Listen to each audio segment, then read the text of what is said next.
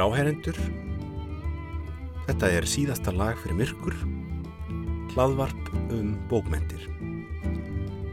Ég heiti Hjalti Snær Ægjesson og er umsjónarmadur þáttarins. Þetta er fjórtándi þáttur og á þessu sinni ætla ég að ræða um skáldsöguna Sistu megin eftir steinunni Sigurðardóttur sem út kom árið 2021. Þessi orð er hljóðréttuð í lok mæ 2022 þannig að það er ekki nema hálft árum það bil síðan að þessi bók kom út þegar ég stend hér og tala en um, það er ótrúlegt hvað þessi bók hefur samt náða festa rætur og breyðast út. Þetta er svona já, ekki að mann er óvart að hérna, bók skuli ná þessu skáldsaga á svo stuttum tíma. Að maður geti ímynda sér að þetta hefði tekið lengri tíma. E, nú þegar er búið að skrifa um þessa bók í fréttablaðið e, og þá meina ég ekki rittóm þó hann hafi byrst líka eflust heldur ádeilu grein um annan rittóm eða umfjöllun í kiljunni.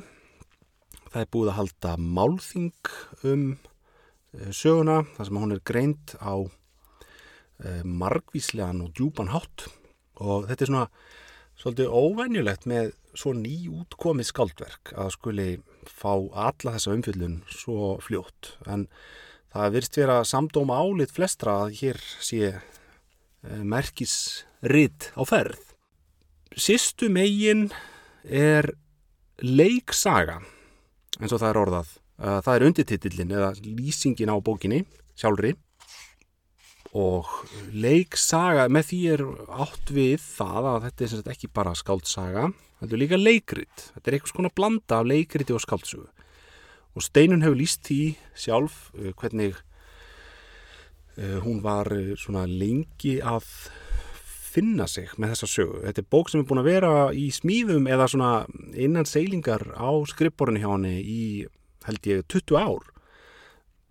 Þannig að svona langur meðgöngutími þótt bókin sé stutt og hún hefur líst í hvernig þetta var leikrit á einhverju stíi málsins og svo var þetta skaldsaga og hún svona var svolítið að feta sig áfram uh, þreyfa fyrir sér með það hva, hvað gæti orðið úr þessu efni. Og þetta var nýðustan, svona blandað verk. En þetta er sem sagt samtíma saga úr Reykjavík eða já, hann reyndar ekki alveg svo ljóst hvort þetta er samtíma saga eða hvort þetta gerist fyrir 20 árum eða 25 árum það er kannski ekki mjög nákvæma tímasetningar hérna. Um, þetta er ekki fest þannig niður í tíma. Og fyrir þá sem vilja velta fyrir sér uh, sagt, reyna að negla þetta niður þá er ekki á mörgu að byggja. En svona, jú, nú nýleg Reykjavík þó þetta sé kannski ekki alveg akkurat í dag en getur verið fyrir nokkrum árum það er óljóst og kannski tilgangurinn hjá steinunni að hafa það óljóst. Það er ekki þetta á ekki að vera svo mikill naturalismi að það er að hægt að mæla þetta alveg með reglustrykum en sem sagt, Sista er aðalpersonabókarinnar og hún er uh, utangarskona ég, ég, ég myndi ekki kalla hana útigangskonu en, en utangars er hún. Uh, hún býr í lítilli kitru uh, í kjallara kjallara kompu sem er svona eða valla mannabústaður. Þar er hún ekki eins og með salernis aðstöðu nema einhvert kemist klósett, svona ferðaklósett. Lofthæðin er yngavegin nægileg og þetta er allt mjög smátt og frumstætt. Hún býr þarna bara nánast ósýnileg. Og hún er sapnar dósum lifir á því þetta er svona saga um ósýnilega fólkið í Reykjavík og undir heima í þeim skilningi að þetta er svona lífið sem við sjáum stundum glitta í og þá er ég ekki að tala um sko endilega í glæpsanlegu skilningi en það er sista stráng heiðarleg og hún vinnur sína vinnu af nattni og nákvæmni en þetta er hennar líf. Hún sapnar dósum og er svona bara reynir að lifa af, komast í gegnum dagana. Hún uh, á allt sitt undir veður og vindum og hún lýsir því strax í upphafi sögunar.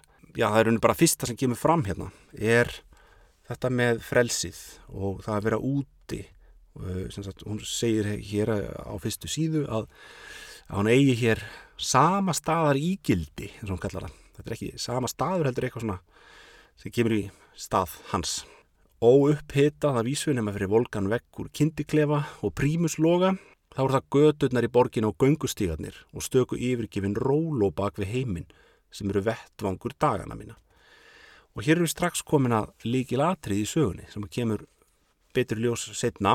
Þetta virðist ekki vera mikilvægt hérna í byrjun en þetta á eftir að skýrast betur. Það er að segja, sista e, nýtur þess að vera úti. Það er hennar lífsfylling að vera úti innan um gróðurinn, e, að klappa köttum sem hún hittir, e, horfa upp í hímininn og spá í veðrið. Að þótt veðrið séu þetta stundum risjótt og harneskjulegt yfir háveturinn hún fær svo mikið út úr þessu það gefur henn svo mikið að vera úti og þess vegna finnur hún sig kannski í þessu starfi ef starf skildi kalla þessari yðju að sapna dósum. Þetta litla fjö sem hún skrapar sér saman það fær hún með þessum hætti að, sagt, með dós og söpnun og þetta tengist líka öðru sem er það að sista er ekki alveg inn í félagslega kerfinu. Uh, hún er ekki á bótum, verðist vera. Hún vill ekki fara á áfangaheimili eða hvað þetta nú heitir, svona stopnun einhverja sem að ætti að vera valkostur fyrir fólk í hennar stöðu vegna þess að hún, hún vill varðveita frelsi sitt. Hún getur ekki sætt sér við það að fara eftir reglum sem aðri setja um útivistatíma og fleira. Hún vill ráða sér sjálf, hún vill vera sjálfstæð og það er svona sjálfstæðið er svolítið líkilatrið í hennar lýsingu. Nú sista á sér bróður sem er einfallega kallað brósi og mamma þeirra er kallið mamma. Þetta vekur aðtegli. Þetta fólk er ekki nefnt með nafni. Þau eru bara nefnt með þessum fjölskyldu hlutverkum sínum. Það má veltaði fyrir sér hvað, hver er tilgangur með því Maður gæti ímynda sér að þetta væri til að undistrika kærleiksrík samskipti innan fjölskyldunar og leggja áherslu á það að þau eru umfram allt til staðar hvert fyrir annað.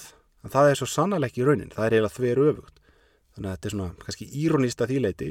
Það mætti jafnvel segja að þetta gefið til kynna einhver tengslaleysi. Það er að segja, já eða hvað maður segja, brest í uppeldinu frekar. Það er einhvern veginn eins og sé bara ekki hyrt um þessi börn þau eru bara kölluð sista á brósi þau eiga sér ekki eins og nöfn og uh, fá eitthvað neina ekki að njóta sannmælis sem einstaklingar í uppeldinu tilfelli er sem sagt að mamma þeirra er mjög uh, mikil skeppna og elur þau upp við hungur og, og það er ekki, ekki vegna þess að hún sé hafi ekki efni á mat heldur þetta bara níska og nurl sem er aðalsmerki mömmunar og mamman er bara svona prototýpa af, af vondri mömmu. Þetta er voðalega svona stereotypísk mam, vond mamma. Og pappi hennar uh, eh, sýstu eh, er uh, aðeins nefndur eða það fjallað um hann þó hann sé ekki stí ekki fram á sviði, hann er látin sem sagt þegar sagan gerist en hún rifjar upp minningar um föðu sinn og fæður hennar var sjómaður, hann var mikið heimann þegar þau voru börn, sískininn en lífið var alltaf betra þegar hann kom. Þá loksins fenguðu almennilega borða, hann uh, fyllti ískápina mat og hugsaði um þau, eitthvað mamma gerði ekki. Þannig að þetta er voðalega svona, já, þetta eru mikla stereotýpur kannski þessar personur og, og ég hugsa að það sé meðvitað hjá steinunni. Þetta er ekki vegna þess að hann hafi mistekist við skrifin, heldur er þetta greinlega meðvituð ákvörðun. Og uh, það er unnið með þetta svolítið. Þetta er semst aðal, aðal personu sögunar, svo koma hér fleiri við sögum, það er vinkona hennar sýstu sem er kvöldið Lóló. Hún er utangarskona og hún er í öllu verri stöðu heldur í sista sjálf vegna þess að hún er einfætt og gengur við störfót. Og hún er örkumluð og hún er drikkjumanneskja og uh, bara svona róni. Uh, hún á ekki í sama stað, hún á ekki litla herbyggisketru heldur þar hún að hýrast úti meir og minna. Hún er ekki hæf fyrir þessi búsetu úrræði sem að gætu staði til bóða einfallega vegna þess að hún vill ekki rétt eins og sista, þá vill hún ekki skerða frelsi sitt. Hún vill bara halda sig við sinn lífstíl og um, svo kemur hér Bjarni sem er kærasti brósa. Brósi er sem samkynniður hann á kærasta og reyndar hefur hann átt allmarga í gegnum tíðina. Það er eitthvað rótleysi í honum. Eh, en Bjarni þessi, núverandi kærasti hans, kemur svolítið við sögu í þessari bók. Sagan byrjar á lýsingu á lífi sýstu, það er sýsta sem talar sem sagt. Hún er sögumæðurinn í þessum skáldsöguköplum, í prósaköplunum. Hún er bara, þetta er svona lýsing á venjulegum degi í hennar lífi. Það er, það er byrjun sögunar. Þetta er portrétt af mannesku og sagan öll er það náttúrulega kannski fyrst og fremst. Það er ekki endilega framvindan sem slík sem er aðalatrið heldur meira svona mannlýsingin og lýsingin á þessu, þessum veruleika sem hún býr við. Sista vaknar snem á mótnana fer út að týna dósir síðan uh, sagt, þræðir hún ákveðna götur og, er það svona ákveðni staðir sem að hún sækir í hún veit náttúrulega þekkir borgina og veit hvað er hægt að finna dósirnar. Hún hefur mikla önuna því að fara í gamla kirkjugarðin við Suðugötu sem hún getur kvílt sig og fengið sér hressingu. Hún fer gjarnan í björsbakari við ringbröð, fær stundum afgangsvínabröð eða svona gamla bláenda sem hún fær að hyrða bara hókipis og hún fer gerðan á uh, BSI eða umferðarmiðstöðuna og um, borgar bókasafnið í grófinni þar sem hún fer á klósettið. Og já, þetta er svona rútínan hjá henni. Hún lýsir henni í fyrsta kaplanum og þetta er alveg ótrúlega svona harneskjulegt líf þó að hún sé ekki að dramatisera það hún er ekki að kvenka sér og steinun er í rauninu ekki heldur að að predika neitt í þessari sögu. Hún er ekki að, svona, það er ekki svona kannski bóðskapur sögunar að sína fram á það að til sé fólk sem lifi við fátækt. Það er ekki, ekki, svona, ekki tilgangurinn beinlinis þó að auðvitað sé það fylgi það með og það er auðvitað hægt að tólka þessa sögu þannig sem innlegg í umræðu um fátækt á Íslandi í dag. En sísta finnur svona sína leið í gegnum þetta allt saman og hún er mjög kultiveruð þetta er bara mjög vandaðu lífstíl að mörguleiti þótt að hans er ekki fallegur á yfirborðinu en hún veit nákvæmlega hvað hún er að gera og hún er rútínumanniskja eh, hún hefða sér í samræm með árstíðirnar hún eh, hefur ákveðna daga í vikunni til að gera sér dagamun og svo framvegs þannig að hún er mjög skipulögð og málfarið eða frásögnin sjálf spiklar það svolítið. Þetta er ekkit káos, þetta er allt mjög snirtilega framsett og á mjög skýr og fallegu máli og um, það hefur reyndar orðið til þess að fólk um, veldir hans fyrir sér hvort hér sé eitthvað ósagt um, sem sagt er einhver íróni á ferðinni í þessari bók.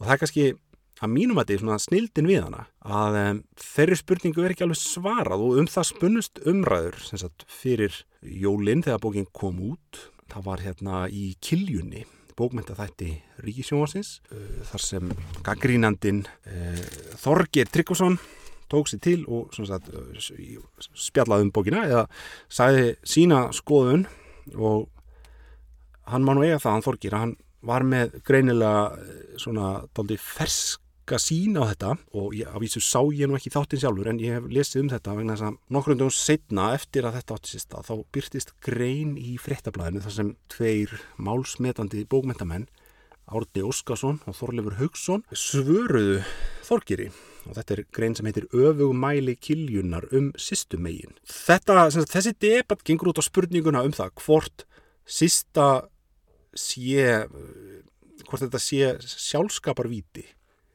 eða hvort hún sé fórnalamp. Og Þorgi er sem sagt opna, virðist að opnað á það þó að þetta sé ekki alveg kannski nákvæm eh, endursögn uh, í þessari grein þeirra Árna og Þorleifs en hann verðist hafa opnað á þann möguleika að þetta sé bara eitthvað svona ákförðun hjá sýstu, uh, svona eitthvað konar mínimalískur lífstíl hann sé bara í rauninni svona í einhverju meðvitaðri uppreist gegn smáborgarlegum gildum samtímans og, og eignasöpnun og, og allir þessari neistlu sem enginn er samtíman að þetta sé bara hennar svona uppreist gegn því og hann bæti því við að uh, sista velji sér svolítið að vera í þessu hlutverki og hún hefði geta bjarga sér eða, sagt, ef hún hefði bara þegið hjálp það er allir að reyna að vera góði við hana og uh, fólku gaukar að henni gjöfum og hjálpar henni og býður henni hitt og þetta. En sista er sagt, svo þrjósk að hún bara vill það ekki. Þetta er svona tólkun uh, hérna, Þorgirs á þessu. Og þeir eru ósamála þessu, Árni Óskarsson og Þorleifur Haugsson, þeir benda á ímislegt í sögunni sem uh, sýnir fram á það að þetta sé, já hún sé fórnalamp, hún hafi átt mjög erfiða æsku og, og hún uh, á í mjög erfiðu sambandi við fjölskyldu sína, móður sína sem hefur sínt henni ílsku alla æfi og uh, bróðurinnar með þess að beitir hann ofbeldi. Þannig að þetta er svona já, debatinn snýst um þetta í stórum dráttum en það sem er kannski áhagvert við hann er að hann skuli yfirhauðu koma upp þar að segja sagan er nægilega óljós til þess að það er hægt að velta þessu fyrir sér þetta er ekki, ekki tuggið onni okkur þannig. Nú, sista sagt hún er ósýnileg. Það er hennar aðalsmerki og hún leggur metna sinn í það að vera ósýnileg.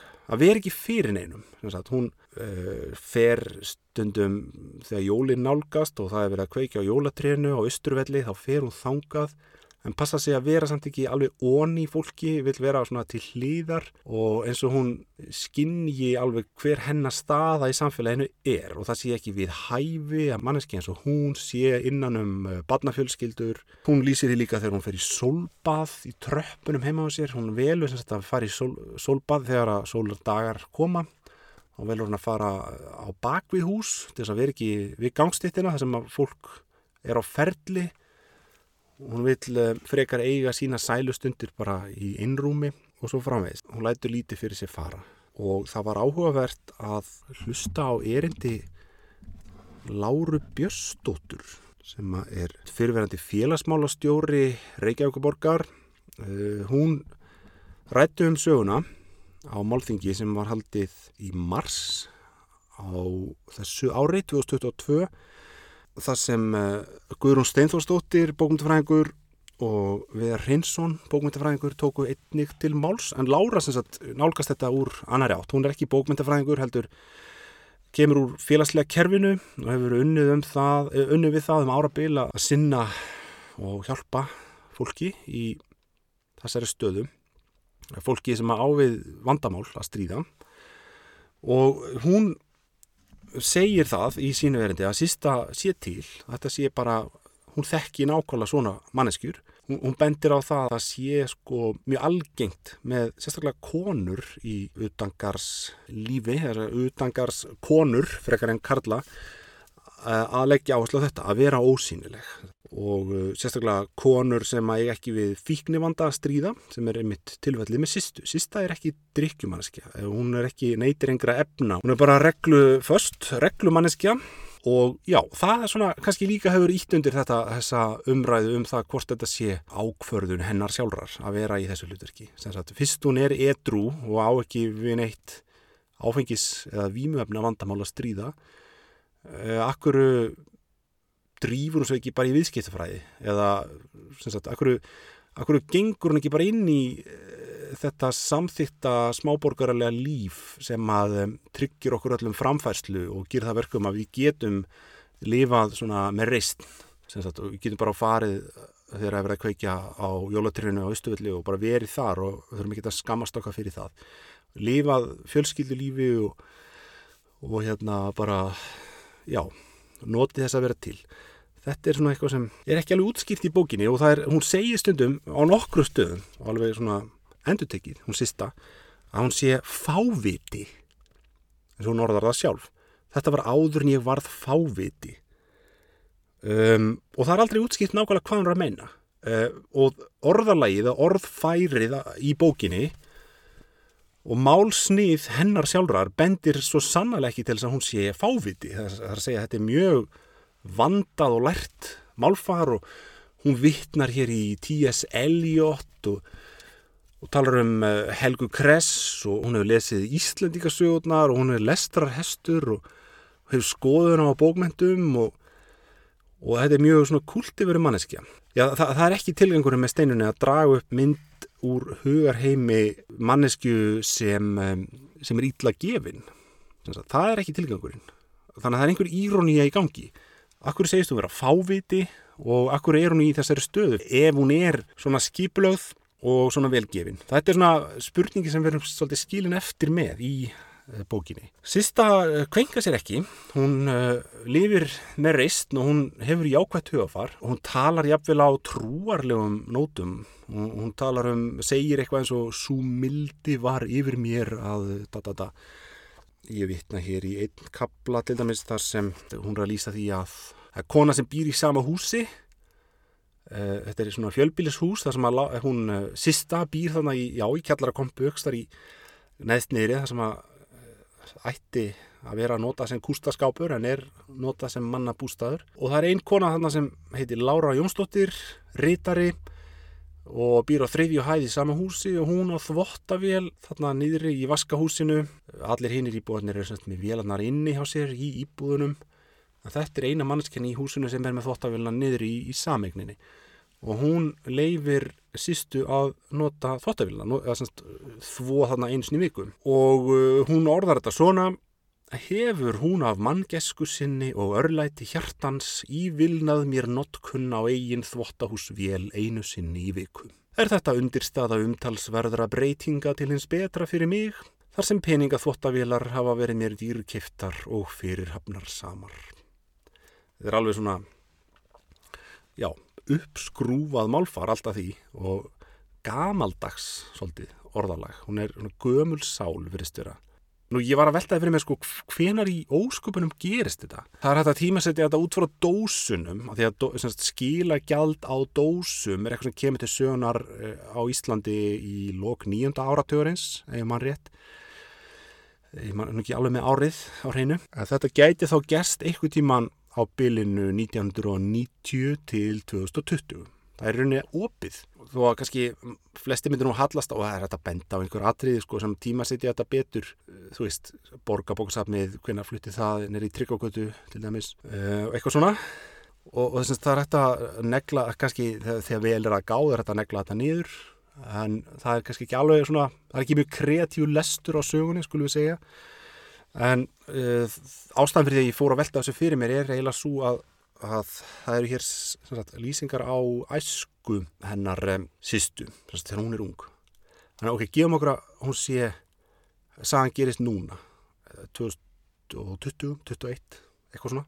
Og hún er ekki orðin færtug, hún sýsta. Það er, við fórum að vita það.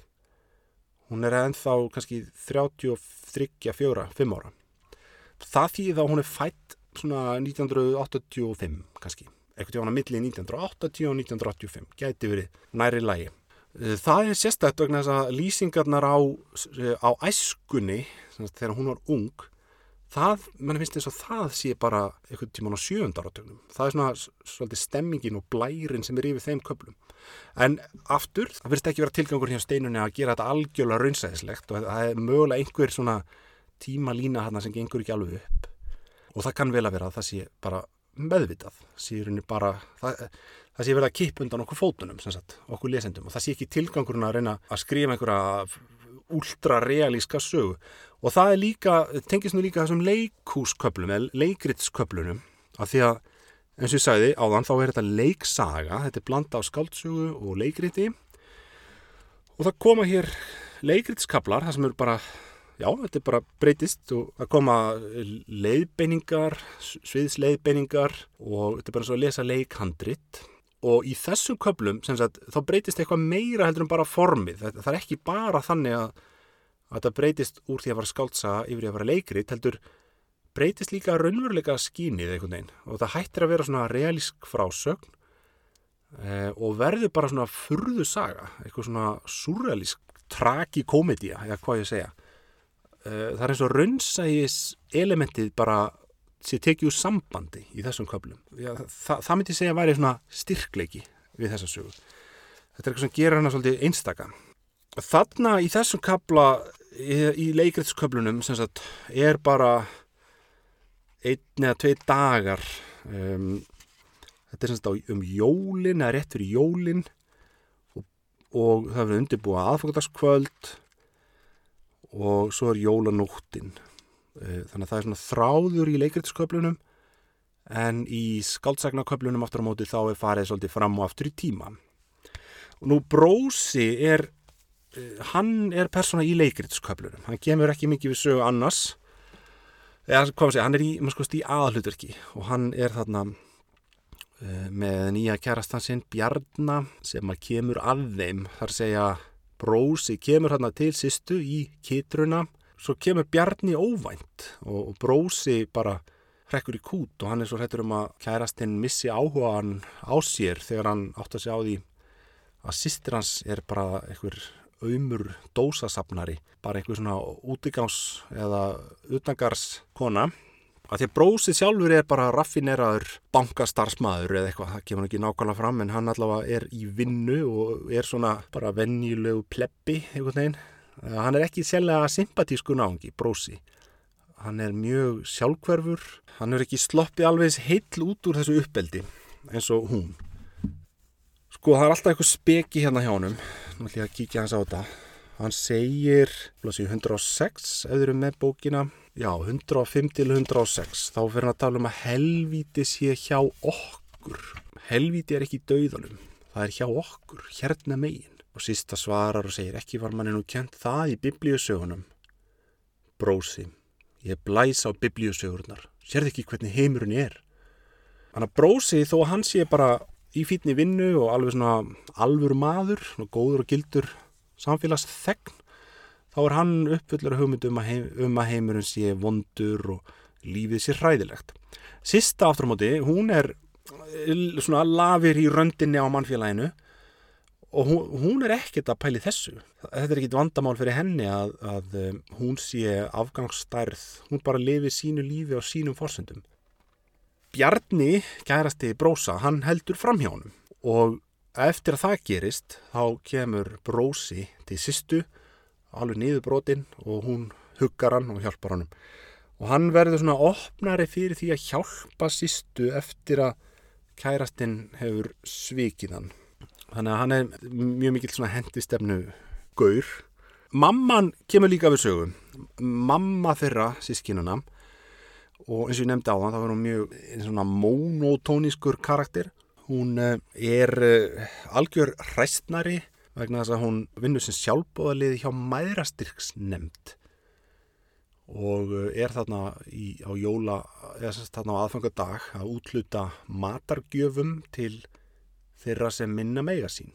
Þar sé að hún er tilbúin að leggja sitt að mörgum til að bæta samfélagið á einhverjum svona stórum skala sem sjálfbóðalið í hjálparsamtökum en hún er ófær um að gera það á, í sínu engalífi. Eh, en það er eins og hún kveiki ekki á perunni. Hún áttast ekki á því að fátæktin er hann að beint fyrir framann hana. Dóttir hennar uh, hefur, sagt, já, kannski fyrst og hennast hennar vegna lendi í þessu hlutverki að vera utan gars hún er sjálf alin upp í fátækt. Það kemur líka fram. Og þá er hún komið svona ákveðin líkill að þessu öllu saman. Að því að ekkert sprettur upp úr engu mamma var alin upp í fátæktinni á strandstað í fljótum tíu sískinni hún er alin upp í fátækt og fyrir viki verður hún nurdlari og nískupúki jafnvel á fullóra sárum þegar hún hefur það ágætt og er gift sjómanni þá einhvern veginn losna hún ekki við þessa veilu sem þetta virðist vera, að þessi geðveila sem nískan er. Hún sista orðar það í mitt þannig, nískan er geðveila, af því að hún er sjálf ekki nísk þó hún sé fátæk. Ég ætla að lesa stutna kabla hérna um nískuna, ég er það sista sem talar.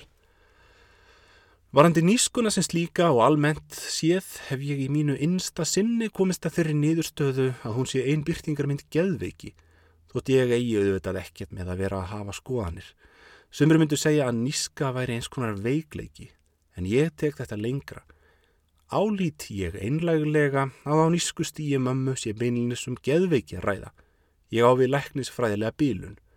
Að skera matarútgjöld neður í svo lágar uppaðir sem mamma gerði, hafandi fyrir tveimur börnum að sjá og sjómaðurinn stundum í landi, það er hreinlega ámælisverð geðveiki. Auðvitað er ekki öll geðveiki ámælisverð og spurning hvort við brósi höfum liði beinlinnins fyrir næringarskort. Að minnstakosti vorum við á köplum rösul og gríðarlegar hornasir. Alltaf grind horuð eins og gefur að skilja og gerðu jáfnvel skólalæknar aðtóðasendur við holdarfara okkar begja. Auðvitað var þetta strangt tekið barnavendarmál en hvar er þá vernd að hafa? Vist væri starf þeirrar verndar yfirgripsmeira en hægt væri að anna, væri að öllu hugað þar sem fjórir vekkir fjölskyldunar þóla furðulega sjaldan dagsljósið, svo ekki sem minnst á blóðskommina hryllilegu sem nú sést að er algengari en nokkurn hefði órað fyrir á árum áður.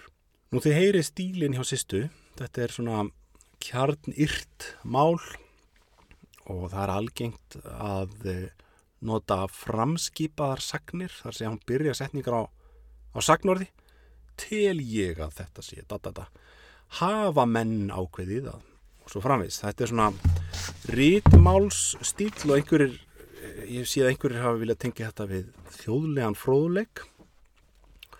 Nú hún er vel lesin, það, þetta, talsmátin útskýrist, útskýrist kannski af því. En mamman allavega er mjög skrítir mannskja og ábyrg fyrir mörgu sem við vitum ekki nákvæmlega hvað er en vannræksla er að mennskosti grunnurinn að þessu og hún getur ekki hjálpað sýstu. Hún greiðir útfararkostnað hennar. Það er, kemur fram á einu stað í sögunni.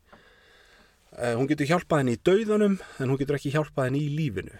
Og samt er hún upptökina því efnaleg vel með hún sé ekki allt. Og mamman býr sjálf í eh, fítni íbúð og uh, á miljónirinn á bankabók. Það, það vantar inn í, sko, það vantar inn, inn í þessa sögu. Þar að við fáum ekki að vita nákvæmlega hvernig eða hvers vegna sista lendir í þessu að verða svona utangarsmanneskja þar að segja við vitum að hérna hún um, slítur sig frá mömmunni á einhvern hátt en það er eins og að sé einhvert áfall eða einhver atbyrður þarna eh, sem að er aldrei sagt frá og það er svolítið skili eftir fyrir ímyndunraflið uh, hvað það er nú en Lóló ég átti eftir að segja frá henni, það er önnur manneskja, einhvers konar hliðstæða og að sömuleiti andstæða sýstum, þessi kona sem heitir Lóló. Hún er líka utangarskona en hún er mun versett vegna þess að hún er einfætt og hún á við drikkjuvandamála stríða. Hún á börn, eh, sýsta á ekki börn og það reyndar gefið í skyn að sýsta eh, myndi vilja eiga börn. Það er einhver þörf í henni fyrir nánd og snertingu sem hún fær uppfylta með því að klappa ketti og köttum. Hún tekur kött í fórstur hérna á einum tímapunkti. En Lóló sem sagt eignaðist börn en þau er ekki neinu samskipti við móðu sinna þau hils henni ekki eins og götu hún, henni hefur verið afneitað. Hún er bara róni á götunni. Hún uh, vill ekki fara í konukot sem að stendur þó til bóða því að hún getur ekki sætt sig við svona frelsis skerðingu en hún er alveg ótrúlega illa á sig komin og sista hjálpar henni leifir henni stundum að sofa í vaskahúsinu bara á gólfinu svona yfir blánóttina þegar vestu vetrar veðrin ganga yfir þá þurfum að passa sig að vera komin koma sem þegar allir eru sopnaðir og fara áður en allir vakna. Allir í húsinu þegar má enginn koma að henni. Sista baðar hana, hjálpar hana að baða sig. E, það, það er náttúrulega erfitt þegar umræða innfætta mannesku með störfót og við verum ekki að tala um sko, við við erum ekki að tala um einhverja græju frá Össur HF uh, hún átti svona flottan gerfifót, virðist vera, en hún seldan þannig að nú stýður hún sig við störfót þannig að það vekur upp spurningar um þetta einmitt hvernig á að hjálpa svona fólki. Uh, einhver virðist að hafa miskuna sig yfir hann á kifthandinni vandaðan gerfifót frá Össuri. En uh, drikju fíknin er svo sterk að hún selur þetta á eBay hefur mann rétt og hérna, fær pening fyrir og drekkur fyrir hann. Veist, er hægt að hjálpa manneski eins og Lolo maður spyr sig en sísta allavega hjálpar henni og reynir að gera hvað hún getur Nú ólíkt sýstu þá fáum við að vita sagt, hvað kom fyrir Lóló. Það það er orðað mjög óljóst en þó nægilega mikið upplýsingum til þess að við getum sett saman heildamindina.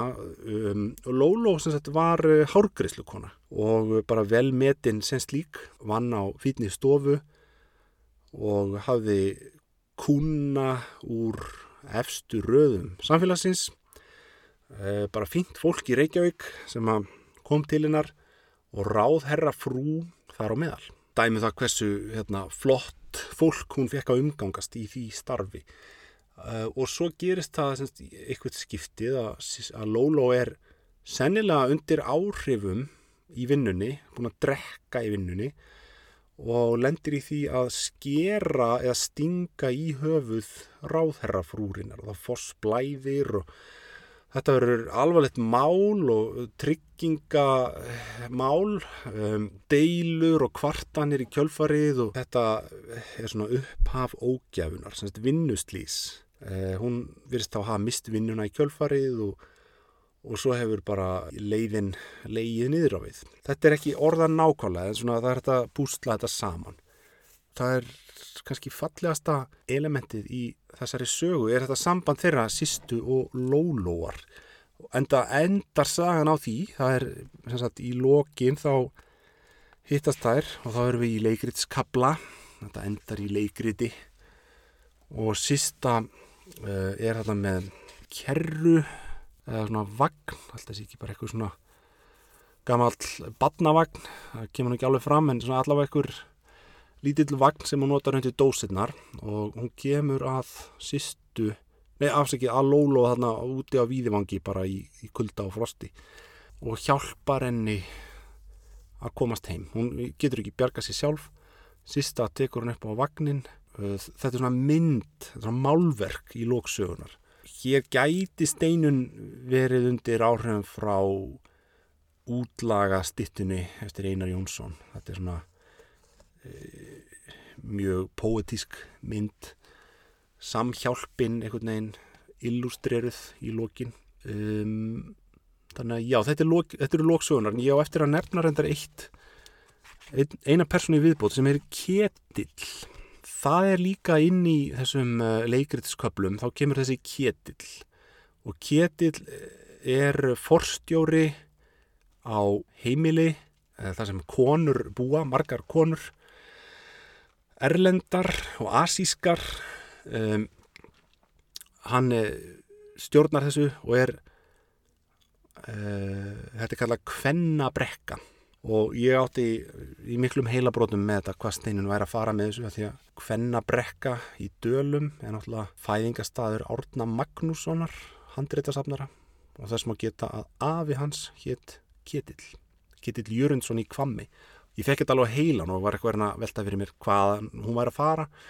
En kannski bara verið að bleiða mann á blindgötur og kannski er ég bara að lesa of mikið út úr en allavega. Ketill heitir hann og hann er svona einhvers konar fristari í þessari sög og hann býður sýstu svona löst á sínum málum. Hún gæti komið til hans og bara búið þar, búið þarna á kvennabrekku sem er að nafninu til einhvers konar e, svona áfangaheimili eða hæli fyrir konur sem standa höllum fæti en er í rauninu bara þrælabúðir. Og hann lætur þær vinna og hyrðir allan ágóðan, hann virðist að hafa eignast börn með fleiri en einni af þessum konum. Mjög vafa saman náðingi hann býður henni húsaskjól og svona örlíti skarri aðstæður til að lifa við og vasklósett og, og sjónvarp og eitthvað fleira sem hún, svona eitthvað gæði sem hún hefur ekki þarna í kýtrunni sinni.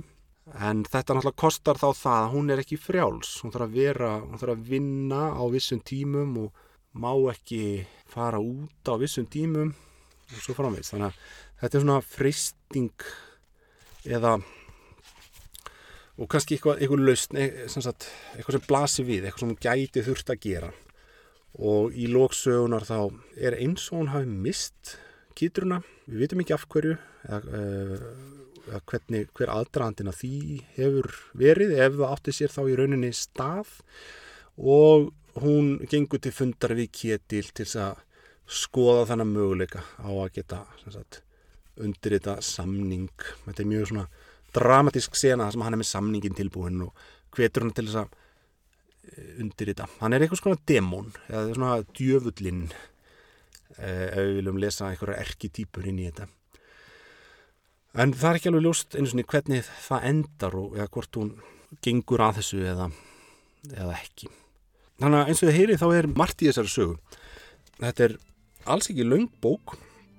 Hún er ekki nema 180 blaðsýður en full af táknum og gátum og mjög fersk og skemmtileg nálgun á þetta hefni óhefbundin í forminu en tengist mjög vel fyrri sögum steinunar að mörgu leiti hér er eh, svona sterk kona sem er ja, ein af mörgum í hennar höfundaverki og um, þessi lúmski og ísmeilegi húmor sem enginnir mest allt af því sem steinun lætur frá sér fara er mjög ráðandi hér í þessari sögu.